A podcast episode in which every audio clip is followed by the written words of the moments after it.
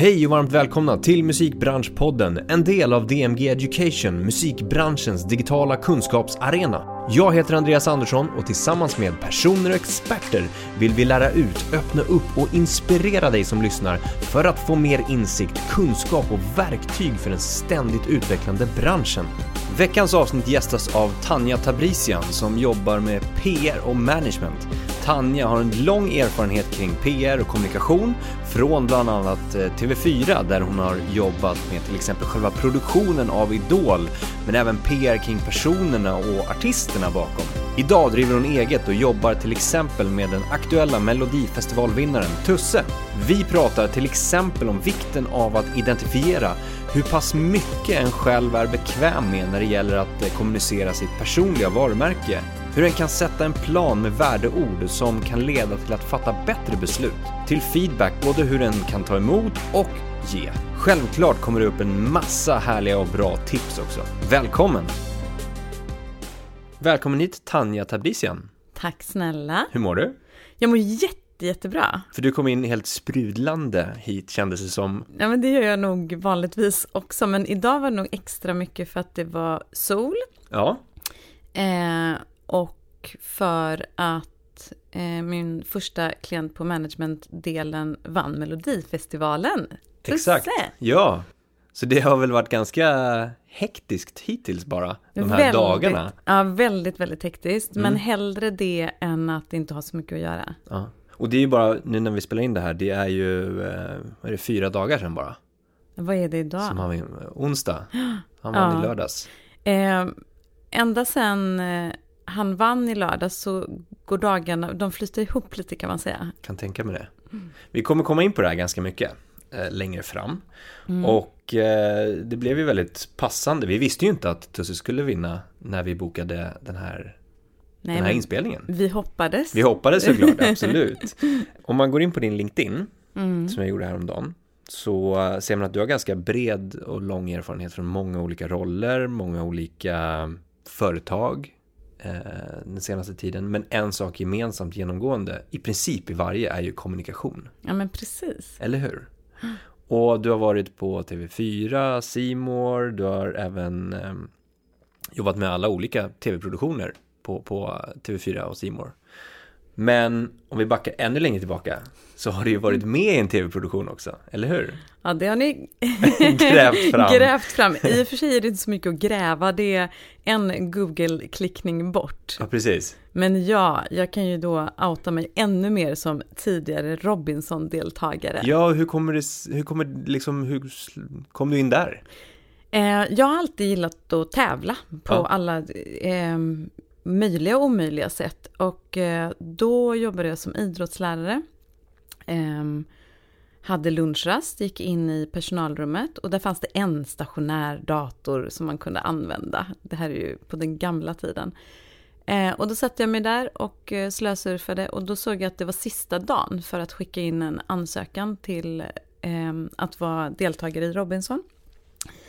Och då tänkte jag att nej men då gör jag väl det. Jag har en halvtimme kvar på min rast. eh, så då slängde jag iväg en ansökan, berättade inte det för någon, lite glömde bort det själv också. Eh, och på den vägen var det, så att det var inte någon genomtänkt tanke överhuvudtaget. Okej. Och hur var den erfarenheten då? Ehm, Eller den resan? Ja, den var ju... Jag var ju 21 då, eh, så det är ju nästan 20 år sedan. Eh, jag minns den som att den... Jag tänkte inte så mycket på att jag skulle dit förrän jag satte fötterna i sanden på något vis. Mm. Eh, men den var ganska omtumlande, men framförallt var det omtumlande efteråt. Vi spelade in i maj-juni och så skulle programmet sändas i eh, premiär oktober samma år. Så det var ju ett halvår emellan. Och jag kände att när jag kom hem, eller kom hem, jag röstades ut, eh, att då kände jag att jag var färdig. Mm. Eh, då hade jag gjort det eh, och gick tillbaka till eh, kompisar och familj och studier och sådär. Och sen helt plötsligt skulle det här sändas. Mm. och det var på den tiden då Robinson verkligen var lägerelds-tv. Eh, det var lördagar klockan åtta yta, man samlades, eh, familjer och vi hade ju flera miljoner tittare varje eh, avsnitt. Och det i sig var ju ganska omtumlande. Eh, och jag minns att jag var väldigt, jag behövde mina vänner och min familj väldigt mycket då för att inte tappa fotfästet på något vis. Mm. Um, men det var kul. Mm. Det är en erfarenhet som jag kanske skulle velat göra i mer vuxen ålder. Um, efter att jag, jag har gått så här ledarskapsprogram och så. Uh, och uh, pluggat beteendevetenskap på universitetet. Och det hade varit väldigt, väldigt roligt att få den här upplevelsen med den kompetensen om hur funkar en grupp. Mm. Eh, när kommer man in i de olika faserna, alltså mm. konfliktfas och, och, hur löser man det och sådär. Eh, men det var kul. Så du kanske skulle vinna om du deltog nu då helt enkelt? Åh oh, gud, det var jag, nej, det vet du tusan. Jag var ju väldigt mån om att inte ingå i någon som helst form av pakt. Ah, mm. eh, jag jobbade ju då när jag åkte som idrottslärare, så jag hade ju 250 elever som jag ville kunna se i ögonen när jag kom hem. Mm. Eh, så den enda gången jag svor på den månaden jag var där var när jag åkte ut. eh, så att nej, eh, jag hade nog inte vunnit kanske. Men det hade varit kul att göra ändå. Mm. Ja, jag fattar. Jättespännande. Men du, om vi går vidare till idag då. Mm. Eh, eller lite grann vad du har gjort eh, sedan tidigare. Du har jobbat mycket med PR som sagt, med kommunikation på TV4 eh, Simor, men du har också jobbat inom politik. Men om mm. vi fokar på TV4 och specifikt de här rollerna under eh, dina år här. Vad, vad, har det inneburit att jobba med kommunikation och PR? Um, ehm, när jag jobbade på TV4 och Simor så började jag som pressansvarig eh, när jag jobbade på pressavdelningen. Och eh, då blir man tilldelad program, ett gäng program, men det finns också möjligheter att önska vilka program man vill ha. Mm. Eh, så det har jag gjort, så det har varit en blandad kompott och det handlar egentligen om att eh, allt ifrån att eh, öka publiciteten eh, i press för programmen och programprofilerna. Men det handlar också väldigt mycket om krishantering och kriskommunikation.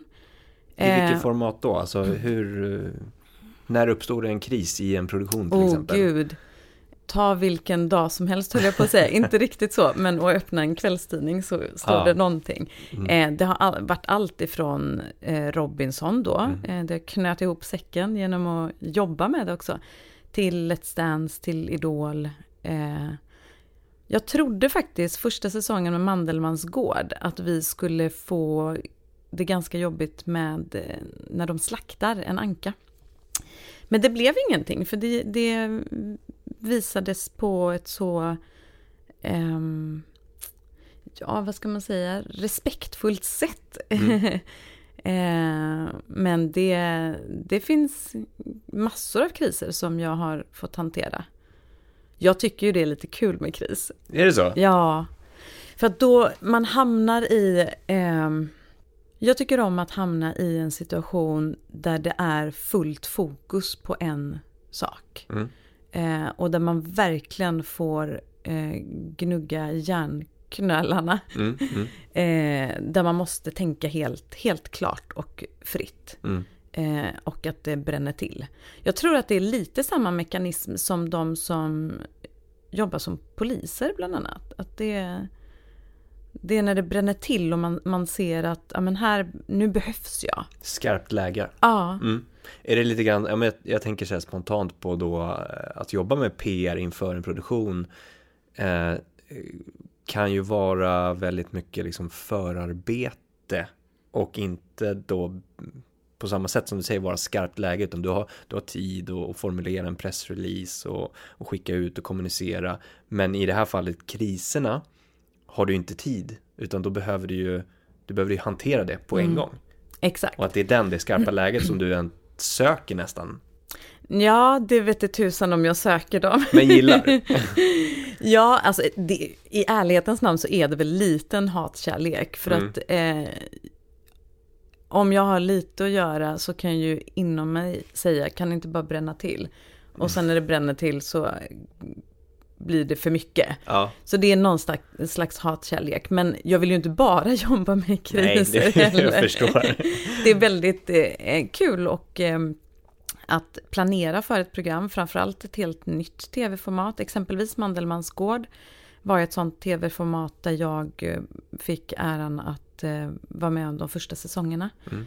Eh, och lansera en helt, ett helt nytt program tillsammans med en projektgrupp. Mm. Eh, och göra det arbetet tillsammans eh, är väldigt, väldigt kul. Så det, det är kombinationen utav eh, att kunna få möjlighet att vara strategisk eh, till att få hantera kriser. Det är den kombinationen jag gillar. Mm.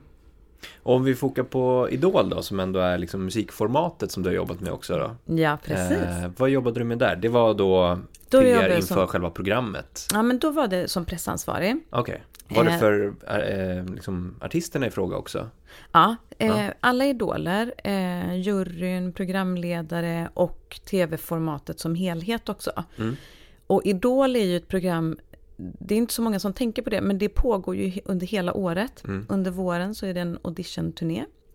Eh, och på hösten eh, så är det först auditionprogram som är bandade då från våren. Och sen börjar livesändningarna. Det är kul. Livesändningar är alltid... Mm. Då är det skarpt läge. Ja men exakt. Då är vi tillbaka jag där. tror, ja men precis, det är nerven i det. ja, ja. Eh, men Idol är ett helt fantastiskt program att jobba med. Det är så mycket glädje. Eh, man får vara med och följa 12 ungdomar, unga, unga vuxna, på deras resa. Och det är sån ynnest att få vara en liten, liten del utav det. Mm. Känner du oftast att du kan, alltså även om du inte är med i liksom urvalet, men kan du spotta ut de här talangerna under våren när ni väl genomför de här audition-turnén då? Ja, men det se- skulle jag nog säga. Eh, att det är ganska ehm, tydligt. Det, jag har ju en filosofi och det är att alla har en magi. Precis alla, alla har fantastiska egenskaper sammansatt som gör dem till just de de är. Mm. Och det, det är magin. Eh, och då gäller det att plocka fram den. Mm. Och ehm, det är inte alltid så lätt eh, att göra för en ungdom eller ung vuxen som blir inkastad i den här idolcirkusen. Exakt. Ehm, och då har jag en sak som jag alltid brukar säga. Är du nyfiken på att höra det? Jag är jättenyfiken. Då brukar jag säga att ehm, du är fantastisk som du är och det är därför du är här. Du ska inte försöka vara någon annan. Du ska bara vara dig själv. Men för att nå ut så ska du vara dig själv gånger hundra. Mm. För att liksom maxa sig själv. För det är då ens identitet eh, blir mycket, mycket tydligare och starkare. Eh, och det här är ju inte någonting som... Eh, det här är ju någonting som jag själv har funderat mycket på. Eh, jag jobbade i Göteborgs stad med kommunikation för massa år sedan. Och hade en väldigt, väldigt bra chef. Eh, och jag gick då ett, ett traineeprogram som hette Framtidens ledare och blev tilldelad den här tjänsten i en av förvaltningarna i Göteborgs stad. Och var ganska nervös. Och tänkte, vem ska jag vara på den här arbetsplatsen? Och efter några veckor in så frågar min chef eh, Tanja, de här kläderna som du har på dig, eh, är det kläder som du har annars också? Och jag tänkte, men herregud, vad är det för fråga? Men hon, hon visste ju precis vad hon pratade om. För att då hade jag ju liksom köpt en garderob eh, med så här finbyxor och klackar och skjortor. Alltså kläder som jag inte alls eh, gillade att ha egentligen. Men jag tänkte att det, det är väl det man gör när man går ett ledarskapsprogram och, och hänger med ledningsgruppen och sådär. Det är det rollen kräver på något sätt. Ja, jag trodde Ja, det. ja. Eh, men du vet hur det kan vara när man går på fest Mm. och så känner man sig felklädd. Man ser ju det på hela... Folk ser ju det på en. Man går och drar lite i dem och sådär. Så att eh, hon satte ju verkligen fingret på det. Så att sen efter det så, så hade jag precis eh, det jag ville ha på mig just den dagen. Och när jag slutade min tjänst där eh, några år senare så fick jag eh, en avskedspresent av henne. Och då var det ett armband som det stod Be yourself på. Och där och då eh, insåg jag att ja, jag ska ju bara vara mig själv. Herregud, eh, jag är bäst på att vara Tanja. Du är bäst på att vara Andreas. Så låt oss vara Mm. det. Mm. Och detsamma gäller för idolerna. För att, att komma in som sagt i den här cirkusen eh, där alla drar och sliter i en. Det är tv, de flyttar till Stockholm och bor på hotell i flera månader. Eh, de ska göra massa intervjuer med journalister. Eh, då gäller det att verkligen att alltså vi som jobbar med idolerna eh, får dem att inte tappa fotfästet och inte glömma bort vilka de är. För det är verkligen så att man, man blir ju antagen eller vald för att man är den man är. Mm. Eh, men det tänker jag generellt gäller ja, alla människor. Absolut, jag håller med. Alltså specifikt artister i det här fallet som aspirerar att bli eh, kända inom citationstecken eller skapa sig en karriär eller vad det skulle kunna vara. Att ha, oftast har man ju en vision eller en dröm om någonting, att jag vill nå dit. Och att fråga sig själv, varför vill jag nå dit? Eh, och är det min dröm eller är det en dröm som jag tror att jag behöver ha för att vara artist? Mm. Att man målar upp den här bilden av precis som du var inne på, att ja, men, då behöver jag ha de här kläderna, då behöver jag föra mig på det här sättet, då måste jag ha det här samarbetet, då måste jag göra det här. Mm. Och egentligen bara bryta ner det till vad, vad är mina kärnvärden själv som, som kreatör, artist eller vad det må vara. Verkligen. Och sätta upp de målsättningarna. Och, och ständigt liksom påminna sig om, är det jag som vill det här? Mm. Eller målar jag upp någonting som jag tror jag behöver vara? Mm. Verkligen. Ehm, och det kan ju vara supersvårt specifikt i en sån idolbubbla Mm. kan jag tänka mig att liksom, du blir inslängd och så säger oj nu ska jag vara idol. Mm, Nu ska jag exakt. vara en artist. Och också att man, jag tror att man tänker, nu gissar jag här, men att man tänker, vem är det de vill ha? Vad, Ja. är, vad är det de vill ha? Jag bara Exakt. gör som alla säger. Mm. Och det är ju helt fel. Eh, utan var så grundad, jag brukar också säga med dem jag jobbar med att eh, utveckling är ju bra, det kan vi ju konstatera. Eh, men då brukar jag säga att ett skav kan faktiskt vara bra, för Mm. det betyder oftast utveckling. Men det ska aldrig göra ont i magen. Mm. Så att när jag har jobbat bland annat med idolerna men även eh, andra personer, alltså profiler, tv-profiler på TV4 och Simor. Eh, när jag har föreslagit någonting eller när någon annan har kommit med ett förslag. Och så rynkas det på näsan för den man har framför sig och då brukar jag alltid fråga, skaver det eller gör det ont i magen? Mm. Eh, skaver det så ska du göra det, tycker jag. Eh, gör det ont i magen ska du absolut inte göra det. Det var en bra vågskål på något sätt. Ja, men visst är det. Ställa dem mot varandra och, och, och säga ja, jag gillar dem. Mm, Det är bra att ta med sig.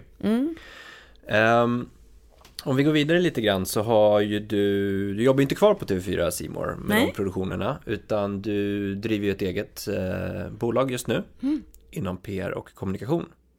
Ehm, vad var lite anledningen till att du lämnade en sån här trygg arbetsplats? Kan jag tänka mig, jag antar bara en trygg stor Mm. arbetsplats eh, med arbetsuppgifter och produktioner som faktiskt tickar på till att lämna det och bli egen. Jag måste säga att jag har ju inte fattat att jag har gjort det här. Du har slängt dig ut och det Ja, jag ska har väl lite grann. Men jag är ju egentligen ingen trygghetsnarkoman. Jag har ju ofta hoppat på. Mm. Ehm, jag har haft trygga anställningar och sen hoppat på vikariat på något annat ställe för att det där kan väl vara kul att göra. Så jag är egentligen ingen trygghetsnarkoman, men att vara egen, det är ju något helt annat. Eh, men den tanken har funnits några år, eh, men jag har nog inte vågat tror jag. Mm. Ehm, sen bestämde jag mig för att ja, men nu, nu är det dags. Eh, och då bara gjorde jag det. Mm. Fast jag gjorde det verkligen inte. Jag hade aldrig klarat det helt själv, utan jag har ett fantastiskt nätverk runt omkring mig som har peppat och pushat. Eh, och det, jag hade aldrig klarat det utan dem. För man är ganska ensam som egenföretagare. Eh, Och jag trodde nog att det skulle kännas mer ensamt än vad det gör. Men jag har så många som jag kan studsa eh, idéer med eller bolla svårigheter med. Så att eh, ja, men det känns bara kul. Det är fortfarande lite läskigt. Mm. Ja, det men det är där skavet kommer in. Exakt, det var det jag tänkte på det när har, du sa också. Ja, ja, det har inte gjort ont i magen att göra Nej. det här. Men ärligt talat så har det skavt som fan. Mm, mm. Men skavet kan man stå ut med. Eh, ja, om man vi vill till. utvecklas. Om man vill utvecklas, Ja. precis. Utan att stå och stampa då. Men du var ju presschef vad jag förstår det som. Mm, Tillförordnad press- tillförordnad presschef. På precis. TV4. Ja. Eh, när du gjorde det här då. Vad, Mm. Om vi tittar på den rollen bara som är ändå, man kan säga att du har klättrat i, i liksom roller internt. Ehm, vad tror du att anledningen har varit att just du har fått ett sånt stort ansvar ehm, på, en stor, på ett stort företag? Oj. Är det din personlighet? Är det kompetensen? Är det Och gud, nu kommer ju jantelagen in här. Exakt. Nej men dels har jag nog alltid varit tydlig på mina arbetsplatser att jag har nog aldrig sett det som att jag vill klättra. Jag har sett det som att jag vill utvecklas. Jag vill, jag vill känna ehm, ja, men, lu- arbetslust och stimulans. Mm. Och ibland innebär det att man klättrar, ibland innebär det att man byter jobb. Eh, men jag tror att det kan vara så att det är för, ja vad var det för att jag hade jobbat med ganska många olika, de, de största formaten har jag jobbat med. Mm. Eh, I princip allihopa, inte riktigt allihopa, men Let's Dance, Idol och så vidare. och Så vidare. Så jag hade en väldigt god erfarenhet av att hur det är att jobba med de formaten.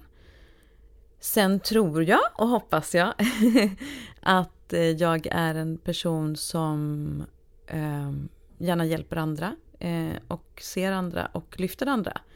Eh, och det är väl bra egenskaper tänker jag om man ska vara ledare på ett eller annat sätt. Vad, rent uppgiftsmässigt, om vi går ner på den nivån, Mm. vad, vad var absolut roligast? Eh, som tillförordnad presschef eller som pressansvarig? Ja men eh, både och.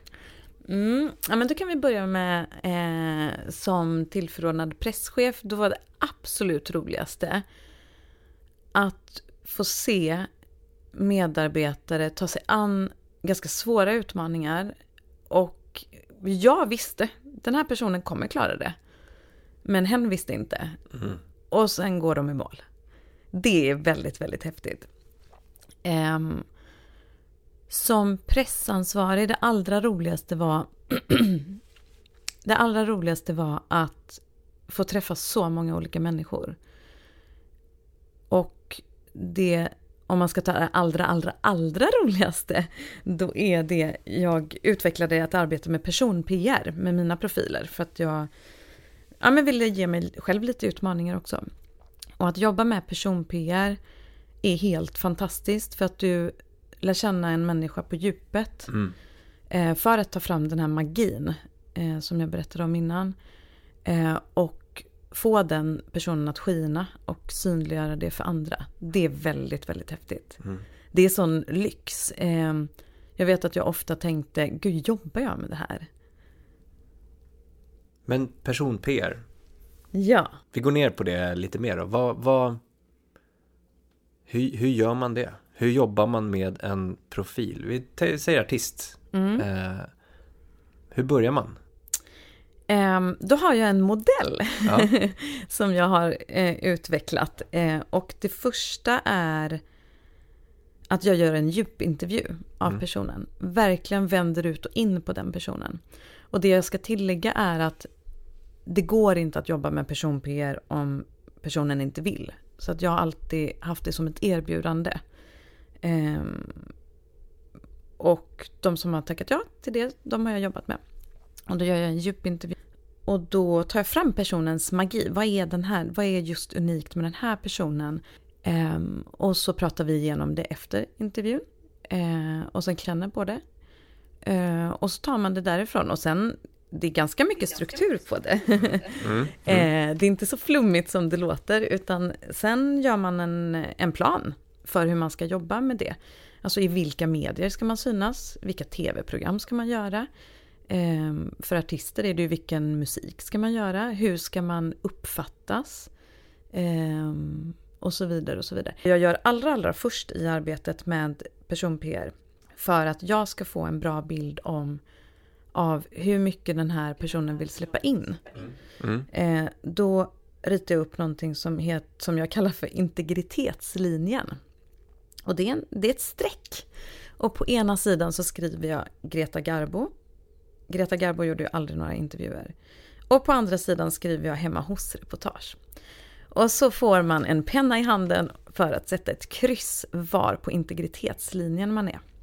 Mm. För att det blir mycket lättare att jobba då. Mm. Eh, också väldigt, väldigt viktigt tycker jag att man som PR-manager eller vad man nu har för roll eh, aldrig dömer var man sätter sitt kryss på den här linjen. Eh, utan det handlar om att veta hit men inte längre. Eh, och det allra viktigaste syftet med den här övningen, eller vad man ska säga, det är att personen som man jobbar med, person-PR, själv reflekterar. För det blir väldigt, väldigt skönt för den personen att sätta lite fingret på, ja men här, hit men inte längre. Mm. Eh, det finns de som eh, vill visa upp sin familj mm. på olika sätt. Det finns de som inte vill det. Och jag vill hävda att allt är okej, precis allt är okej. Eh, jag jobbade som kommunikationschef för ett politiskt parti också för några år sedan. Och då jobbade jag med person-PR med några av riksdagsledamöterna. Och då satte jag, eller då skrev, gjorde jag den här integritetslinjen. Och då var det en person som satte rakt på Greta Garbo. Det fanns inget intresse av att visa någonting och sådär. Och det är helt okej. Okay. Men det jag sa till den personen var att eh, du kan fortfarande få eh, människor att uppleva som att du är mer nära. Eh, utan att du egentligen har gett så mycket. Vi tar mm. ett exempel. Eh, en person gillar att fiska. Mm. Då kan man lägga upp en Instagram-bild på sig själv och en fisk. Eh, det skulle jag nog tycka är att man inte har gett för mycket av sig själv. Men känslan är att man är nära den personen. Ehm, ja, mm. det tror jag på. Men är det svårare då? Jag tänker på du som ska jobba med eh, hjälpa den här personen i person-PR-sammanhanget nu då. Du, hoppas du lite grann på att personen ändå sätter lite mer hemma hos för att det finns mer att jobba kring då? Nej, faktiskt inte. Jag tänker det är det svårare att, nej, med Greta Garbo. Det är det kortsiktiga tänket. Att ja. tänka, ja men gud, då får jag publicitet. Jag är ju ingen cynisk PR-kvinna. Utan jag tycker snarare att det är spännande att jobba med dem som vill hålla mer av, eller större integritet. För mm. då blir det ju svårare för mig. Ja, ja men det var det ja, jag tänkte Och det är det som är kul. Um, Vi kan ta, alltså till exempel inom musik så är det ju en del låtskrivare, producenter som vill liksom vara i bakgrunden av en anledning. För att man inte vill synas utåt. Men man vill fortfarande få ut sin musik. Mm. Uh, det måste ju vara en liten utmaning ändå att säga, jag vill skapa mig ett namn, men jag vill inte synas. Ja, men där tänker jag så här, allt handlar om målgruppen. Allt det här arbetet går att göra oavsett vilken målgrupp man har. Mm. Då kanske inte målgruppen är eh, press. Nej. Exempelvis. Då kan målgruppen vara en person, alltså någon helt annan. Um, så det pratar vi ju mycket om när jag jobbar med personerna jag jobbar med. Alltså vilka är dina målgrupper? Och då kan man ju ta fram person-PR kring det och det syftet man har med det. Mm, mm. Och utifrån den här skalan då, när du får det krysset på något mm. sätt, är det då, då börjar arbetet att sätta upp eh, en plan för, okej, okay, vad ska vi göra, vart ska vi synas, hur ska vi göra det, sätter ni upp en, en plan kring hur man ska synas i sociala medier, eller börjar man med värdeord, eller börjar, vart, vart någonstans börjar man där? Mm, eh, Ja, men först integritetslinjen och sen den här djupintervjun mm. där jag klättrar in i personens hjärna. Eh, det, ju, det, handlar ju mycket om förtroendeskapande, mm. eh, den intervjun. Eh, och den brukar oftast ta brukar få dela upp den. Den tar oftast tre, fyra timmar. Um, och det kommer ofta ut väldigt, väldigt, väldigt mycket i en sån intervju. Så beroende på vad det är som kommer fram eh, så tar vi fram värdeord mm. efter det. Mm. Eller som jag brukar säga, magi. Mm. eh, då tar vi fram den personens magi och hur den sticker ut. Och sen pratar man om, okej, okay, vad är det du vill uppnå då? Vad vill du? För då jobbar man efter det. Mm. Och sen skulle jag säga att eh, ja, men, handlingsplanen så att säga, den konkreta med kalendarium och så, det är det sista man gör. Mm. Eh, och det som är så skönt när man jobbar så strukturerat och så strategiskt, det är att man, man kan alltid gå tillbaka till den här. Mm. Och säga, fast vad var det nu vi bestämde? Exakt. Eh, jag jobbar ju eh, med personer som gör många tv-intervjuer Eh, och då brukar jag ofta skicka iväg ett sms innan med personens magi. Glöm inte det här. Mm. Och sen, var dig själv gånger hundra. Mm, mm. Men det där är ju superbra att, att höra för liksom aspirerande artister och låtskrivare och producenter också, tänker jag mig. Eh, men hur, om man inte har tillgång till en sån som dig som kan dra ut det här under tre fyra timmar och hjälpa till, hur, hur kan man börja som eh, independent artist till exempel när det gäller just PR och kommunikation? Jag skulle säga att prata väldigt med många av dem som känner en. Mm. Eh, också våga prata så här, hur ser du på mig? Eh, vad tycker du är mina vad är unikt med mig? Och då, man kan ju växla eh, och prata om det med varandra. Mm. Eh, jag tänker generellt att eh, reach out. Och även till de som inte känner en så väl. Däremot kan det vara lite svårt att gå fram till en total stranger och Hej, fråga. Hej, hur uppfattas jag? ja, exakt. um, men våga fråga och våga involvera folk. Mm. Alltså nu när jag har startat eget. Eh, jag har ju inte bara det här fantastiska nätverket runt omkring mig med eh, en fantastisk kille och vänner och familj och, och nätverk. Utan jag har ju ringt upp folk mm. som jag tror skulle kunna vilja bollplanka med mig. Mm. Och våga göra det. Mm. det. Det är väldigt, väldigt sällan som någon blir upprörd eller inte vill. Alltså människor i grunden vill ju hjälpa till. Um, och folk blir bara glada. Jag vet att jag blir jätteglad mm. eh, när någon ringer och frågar Tanja, snälla kan inte jag få bolla en sak med dig? Mm. Ja, självklart, låt oss ses. Mm. Över en semla. Mm. Just en semla ja, men jag också. Äter ju, är det liksom Jag hemliga... äter bara en sorts, egentligen gillar inte jag semlor. Men det är en specifik semla från ett specifikt ställe. Och förra året åt jag 19 stycken. Oj! Ja, så det har blivit Bara lite... därifrån? ja. Då måste du ju avslöja vad det är.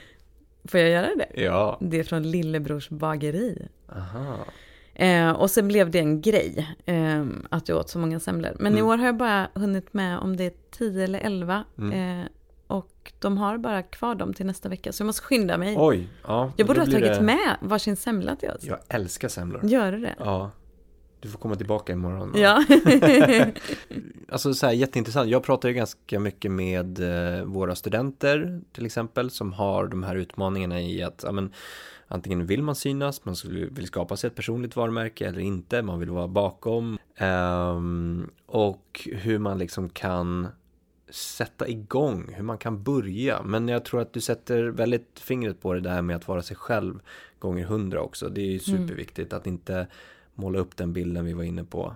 Uh, och, och sen också när du ska ta en anställning på ett bolag. Mm. Um, om du ska börja jobba på ett skivbolag. Eller som våra studenter som är ute på praktik, praktik nu. Mm. Uh, samma där, att inte liksom sätta sig in i ett fack. Nej. Vi vill ju förändra musikbranschen mm. till det bättre. Vi skapar liksom mer kunskap, mer, bättre kompetens inom musikbranschen.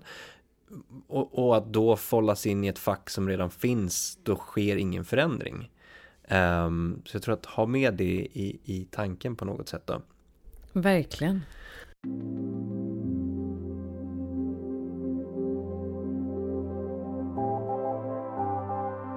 Det här med att starta eget bolag nu då, Mm. eh, inom PR och management som det blir. Ja, Det är inte bara PR. nej. Eh, management, du kommer bland annat representera Tusse, Mm. som är din första klient. Eh, första klient på managementdelen. På managementdelen. Ja. Mm. Eh, hur ska det bli då? Hur ska det bli att ställa om till management? Eller inte ställa om, men liksom addera det. Jag har ju tänkt väldigt mycket på det här. Eh, Jag har flera vänner och bekanta som jobbar eh, som managers och jag har också kommit i kontakt med många managers under bland annat min idoltid. Mm. Och det jag har landat i att allt arbete som jag har gjort med person-PR eh, handlar ganska mycket om eh, management också. Så det var ganska naturligt ändå på något sätt att eh, ja, men för min utvecklingsresa och göra något som är lustfyllt och ja, men lite nytt Ja. ändå. Ja. Ja men precis, att det ändå som samlar erfarenheterna sedan tidigare och riktar det till en insats Mm. gällande management till exempel. Då. Precis. Men du som, för du är ju då, du kommer representera Tusse men du kommer också representera andra inom PR och ha klienter. Mm. Finns det ett maxtak tror du? Du som ändå är van att ta dig an väldigt mycket och ha det där skavet. finns, det, finns det ett maxtak på antal klienter som du skulle kunna jobba med tror du? Absolut. Ehm, jag vill ju inte jobba med för många. Nej. Ehm, hela den filosofin som jag satt för mig själv och mitt arbete i mitt bolag är att alla mina klienter ska känna sig sedda. Eh, och jag vill bidra med mitt engagemang till fullo. Mm. Och då tror jag att det är dumt att ta sig an för många klienter. Däremot vill jag ju ha klienter från olika skrån. Inte bara artister. Eh, för jag vill heller inte hamna i en situation där de ska konkurrera med varandra om något utrymme någonstans och så vidare. Eh, men för mig är det definitivt maxtag. Sen beror det ju på, jag kan inte sätta ett x antal personer för att det handlar om vilket jobb man gör och hur mycket de, under vilken omfattning eh, som de vill ha min hjälp helt enkelt. Precis. Och där kommer ju också långsiktigheten in som du var inne på förut. Både Mm. när man pratar management men också PR. Det Kommunikation. bästa som finns det är långsiktiga samarbeten. Ja. Jag gör gärna nedslag också. Eh, men det finns så mycket, så många olika fler värden i att jobba långsiktigt, långsiktigt med någon. Hur kan man, jag tänker så här som artist eller kreatör överlag så är det ju väldigt lätt att vara här och nu och nästa vecka, nästa release, nästa spelning, nästa intervju. Hur kan man balansera långsiktigheten också och sätta upp den här planen och värdeorden och, och komma tillbaka till det lite då och då? Finns det något konkret man kan jobba med där? Ja, men det tycker jag. Om man har, sätter den här handlingsplanen med värdeord och magi, eh, att hela tiden komma tillbaka till den, för det blir ju någon slags, ett slags ankare som håller fast den. Sen ska man ju vara öppen för att utveckla den planen såklart Mm. och hela tiden utvärdera den. Men den blir eh, väldigt, det är lite skönt att ha den. Eh, för det kommer också förenkla vägval som man ställs inför. Exakt. Så fort man får en fråga så kan man tänka, ja men vad, vad är det, vilket håll har vi sagt att vi ska mot? Mm. Ja men det här hållet, ja men då kanske vi ska tacka nej till just det. Mm. Eh, att hela tiden ha den här planen i bakhuvudet. Men som sagt, eh, också vara väldigt eh, ödmjuk inför att den kan komma att behöva justeras Mm. under tiden. Mm. Ja, men ju, ju längre fram du kommer på den resan, eller sätter man upp en plan, ju längre fram ju suddigare är den. Och, och liksom en vecka framåt är den ganska kristallklar. Ja, Och, och liksom ständigt vara på något sätt adaptiv på det sättet och Mm. se till svängningar i eh, trender, bransch, sociala medier. Men jag kan tänka mig att det kanske är också lite så här när man är artist att, och, och syns där ute och har massa olika sociala mediekonton och sådär. Att man är väldigt mm, inte slentrianmässigt kanske postar saker men ändå gör det. i att man, farten, I farten, man känner Ja, liksom att eh, nu var jag tvungen att posta bild på den här semlan eller vad det nu skulle vara. och att samtidigt ha eh, de där värdeorden och magin i bakgrunden. Hur eh, jag kan tänka mig för en del kanske det blir att man ändå håller tillbaka då. Att, Nej men då postar jag inte den semlan.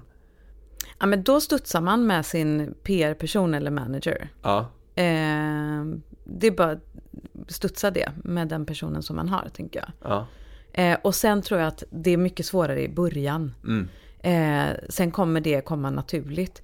Och jag tycker också att man inte alltid behöver vara så hård mot sig själv. Eh, att ibland kan man frigöra sig lite från det. det. Det viktigaste är att det inte känns för fladdrigt. ja, Och ett starkt varumärke handlar ju om att hålla sig till ett spår på något vis och inte bli för flaxig. mm, Förstår du vad jag menar? mm. ja men jag tror det. Mm. Bild på en fisk som man har fiskat upp ena dagen, semla andra dagen, kan vara spretigt. Men det kan också funka om man Ja, har en, funkar, en, en bred linje som man går Ja, på. om, eh, om man har bestämt att man vill vara väldigt personlig, Ja, exempelvis. Mm. Då funkar både semla och fisk och eh, ja, lite allt möjligt. Mm. Så det behöver ju inte vara en kategori av en sorts bilder. Nej. Utan det är känslan som den ska förmedla som är det viktiga. Mm. Sen också, om, när vi väl är inne på sociala medier nu då, så, så handlar det inte bara om envägskommunikation. Mm. Utan det handlar väl om att prata med eh, publiken, Absolut. sina fans. Hur gör man det på bästa sätt då? Hur, hur Oh. utvärderar man hur man ska prata, eh, kommentera, vilka emojis man ska använda? Alltså nu är vi inne på detaljnivå. Men, Ja, det är härligt med både strategi och detaljer. ja, Ehm, det skulle jag säga beror helt och hållet på vem man är som person. Eh, jag själv personligen är ju en eh, människa som har emoji-fester varje dag i mina eh, olika messtrådar. Eh, inte alltid i och för sig, det beror på vem jag pratar med. Men där måste man gå till sig själv och hitta sin tonalitet som funkar för sig själv och den målgruppen man vill ha. mm, Och sen handlar det ju också om att man måste anpassa inte hur man är, men hur man kommunicerar. Eh, man ska aldrig tappa bort sig själv. Men man kan ju ha lite olika sätt att kommunicera, såklart. Det här är ju verkligen inte rocket science. Eh, men att man är lite medveten om det. mm. Och kanske testa och utvärdera, kändes det bra i magen? Eh, eller skavde det lite? Ja, Eh, Man, liksom, man, man provar lite olika ja men precis. emojis i det här fallet då. Ja. Väldigt detaljerat. Men, men att ha kontakt med sina fans Mm. eh, tycker jag verkligen är superviktigt. Och sen kan ju det bli överväldigande också. Mm. Eh, så att man inte sätter för hård press på sig själv att man ska svara varenda DM och så vidare. Mm. En annan del när det gäller kommunikation är ju det finns ju olika former av kommunikation. Mm. Alltså verbal kommunikation, skriftlig kommunikation, visuell kommunikation, emoji-kommunikation. ja. Ehm, hur bör man tänka här? Bör man sätta upp något slags språk för sig själv som artist till exempel? Ja, där tänker jag att egentligen är det samma sak som emojis, att det handlar om tonalitet. Mm. Alltså vilken semantik använder jag? Eh, vilka ord, vilka uttryck och så vidare. Ehm, så tonalitet helt enkelt. Ska man göra en egen ordlista för sig själv eller hur, hur eh, detaljerat ska man gå, gå nej, ner? utan bara att känna sig trygg. Ehm, allt handlar om ehm, att känna sig trygg i allt ifrån vad man har på sig till hur man kommunicerar. Att man känner att det här är jag. Mm. Och om man känner då lite grann så här att men, jag bör formulera mig så här som vi var inne på förut. Mm. Att nej, men jag bör göra det här för det krävs av den yrkesrollen eller den artisten eller personen som jag ska vara. Mm. Om man känner det blandat med att nej, men jag vill ju kommunicera på det här sättet. Man slits lite mellan Mm. de här. Hur, eh, hur, hur, hur ska man välja så att säga?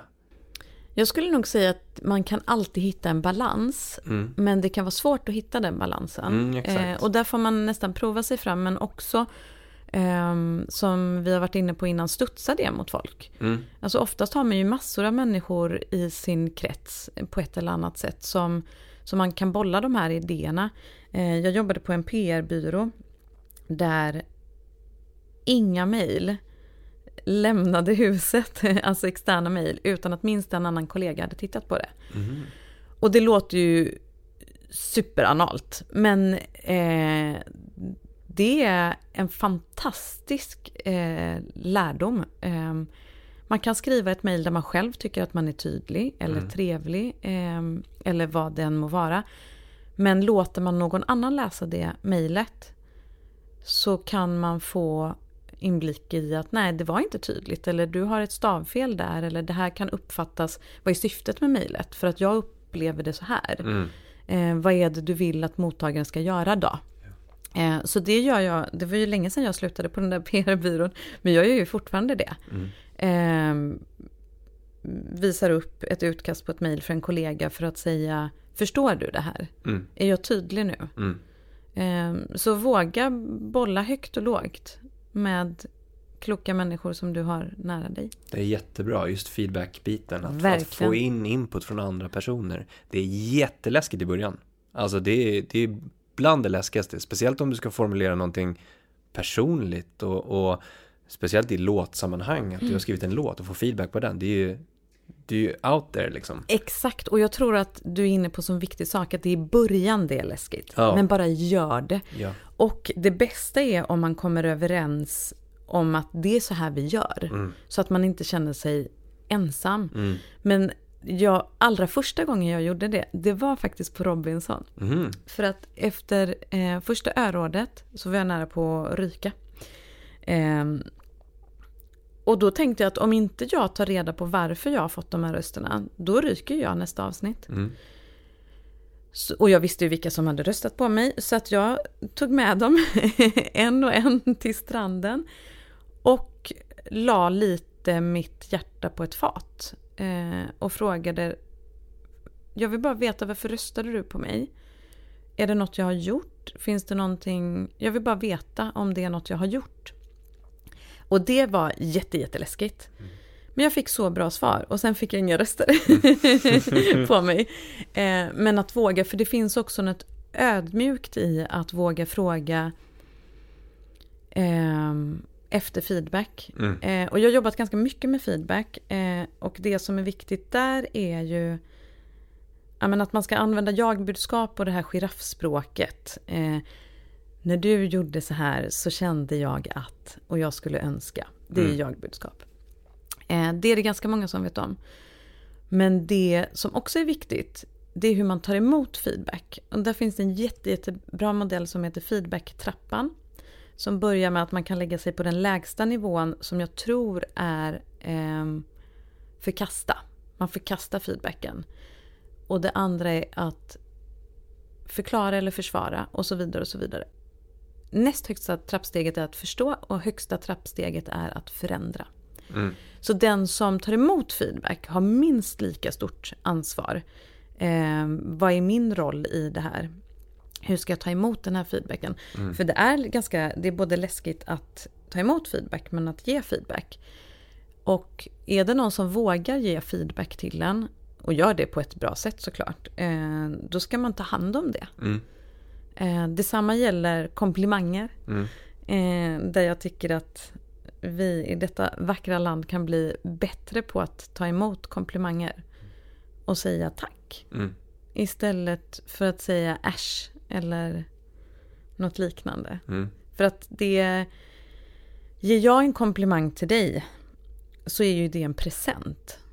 Det är som en present som jag ger dig och då är det ju trevligare att få ett tack. Mm. än att få ett äsch eller jag var inte så bra eller Mm. sådär. Mm.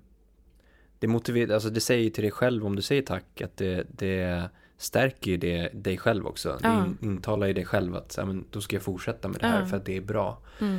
Eh, eller det uppskattas eller vad det kan vara. Mm. Men det här med att, att eh, den här trappan, den är ju jätteintressant. Jag tänker också så här att man inte alltid ska förändra Mm. när man får feedback. Exakt. För att ger du, är du, är du, vågar du be om feedback på en Mm. låt, på en pressrelease, på en affärsplan eller vad det nu Mm. må vara. Och, och, och ge det till fem personer och du får feedback från fem personer. Mm. Du kommer ju få fem olika svar. Fem olika feedbacksvar. Ja. Eller fem, Eller fem liknande. fem liknande, absolut. Men det kan ju skilja sig lite grann. Ja. Och om du ständigt ska ta in det och ändra utifrån Mm. vad alla andra tycker så kommer du ju aldrig bli klar. Du har så rätt i det här. Tänk, för att i feedbacktrappan så är egentligen högsta steget som är förändra, det är inom parentes. Mm. För det kan vara så att man får feedback som man inte håller med om. Mm. Så du har helt rätt. Så att eh, helst komma på steget förstå. Mm, mm, Det kan ibland räcka. Eh, jag vet att när jag har fått feedback som jag har känt är orättvis eller ogrundad, då har jag försökt ha ett mantra i huvudet. Upp på trappan Tanja, upp på trappan, upp. För att rent ryggradsreflexmässigt så vill man förklara sig, man vill försvara sig.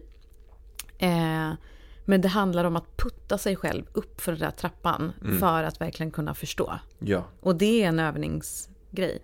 verkligen. För annars så hamnar du ju i det facket där du anpassar dig ständigt. Ja, Och då blir du ju inte dig själv nej precis. hundra gånger hundra. Då har du ju svårt att, att komma dit på något sätt. Men det är bra att åtminstone eh, fundera över och vara medveten i det. Det är ju som ett val man gör. Eh, jag väljer att förstå den här feedbacken. Men jag tar faktiskt ett aktivt medvetet val i att inte förändra den. Mm. Exakt. Ja, det där är ju superintressant. Det där kan man ju gå... Det kan vi prata mer om. Ja, precis. Eh, men det tar vi över semlan sen. Nu blir jag jättesemmelsugen. ja, jag med. Ehm, jag tänker att vi ska prata lite grann om eh, Mello och din klient Tusse. Ja. Som för fyra dagar vann Melodifestivalen. Ja. Eh, som har gjort en riktig resa också, alltså tv-resa, tv-produktionsresa. Eh, från Talang till Idol till Mello. Precis. Eh, och om vi bara tittar liksom på en, ett artistperspektiv i det här fallet då. Mm. Eh, och liksom hur man brandar en artist. Mm. Så kan det ju vara lätt att fastna i de här produktionerna och bli lite stämplad som en idolartist eller melloartist. Ehm, hur gör man för att inte bli det? Man är sig själv gånger hundra. Bra svar. Ja. Det var eh, under mellofinalveckan så var det två saker som jag återkom med hela tiden. Eh, var dig själv gånger hundra och ha kul. Så att precis innan han skulle in på arenan och göra sitt nummer så frågade jag Tusse, vad ska du göra nu? Jag ska vara mig själv gånger hundra och jag ska ha kul. Då kommer det gå bra. Mycket bra.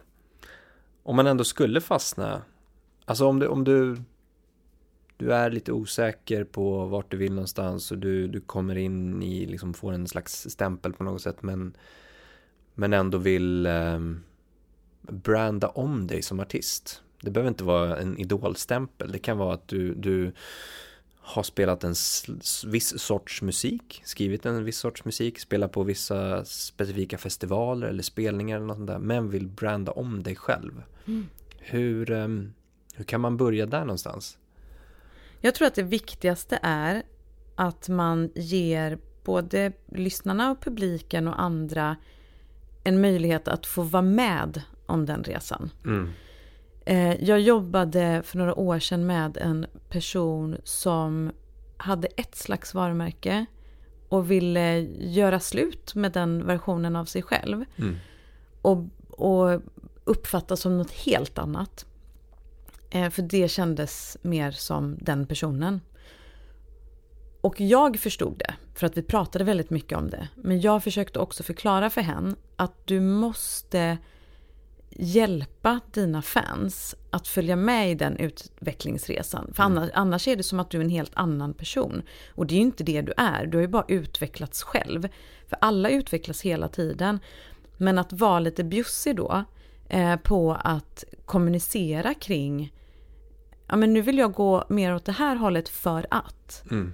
För det blir jättekonstigt om en person eh, har varit väldigt stark förknippad eh, med någonting och sen går igenom en, någon slags inre resa och blir vad andra tycker är något helt annat. Mm. Och då hänger man inte med. Man måste hjälpa folk att förstå. Mm. Och det kan man ju göra på massa olika sätt. Om man får möjlighet att göra intervjuer eller i sina sociala medier och sådär. Men bjud in, för Mm. att oftast är det lite härligt också. Mm. Eh, att få läsa om eller få, få följa med i eh, en persons tankegångar kring dens utveckling. Mm.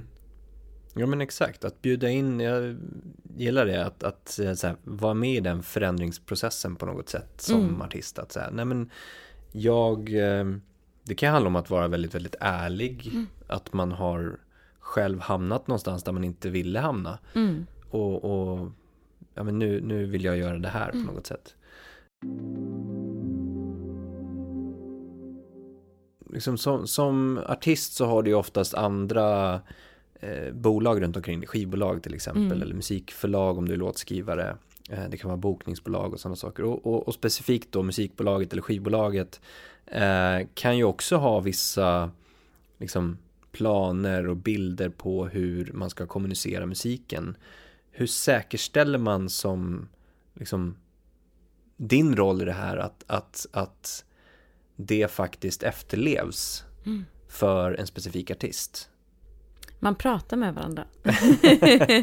ja, men faktum är att eh, det är ju ett teamwork, verkligen.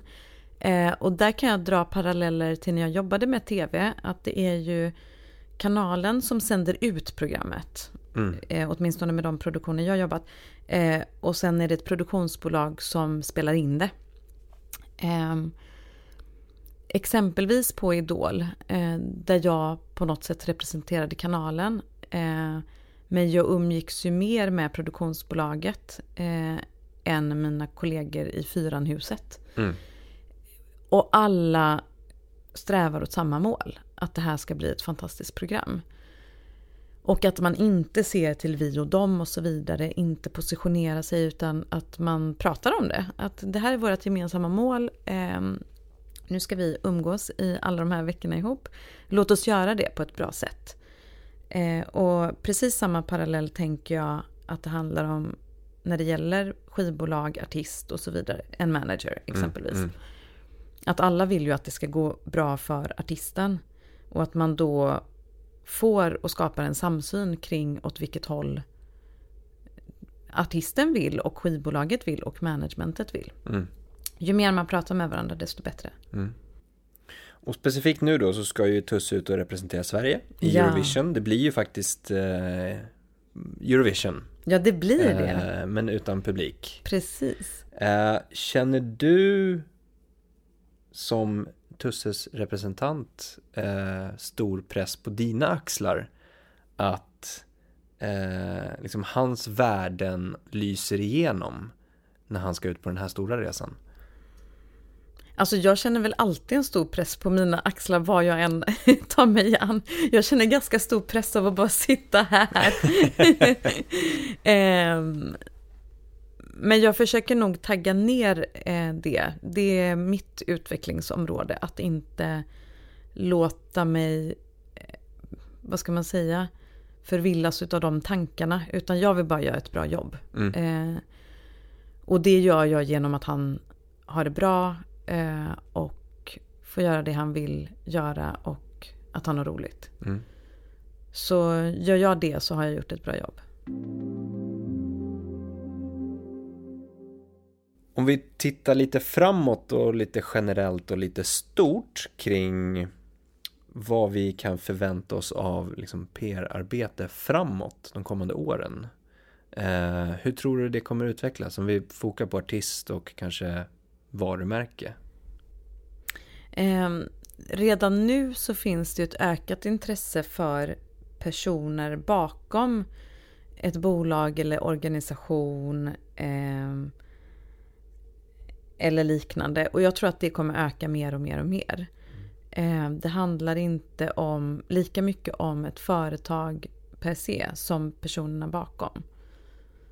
Där kan du hitta, om du är de personerna bakom, så kan du hitta extrema möjligheter. Verkligen. Eh, det är mycket roligare att läsa om en person än en produkt eller en tjänst. Mm.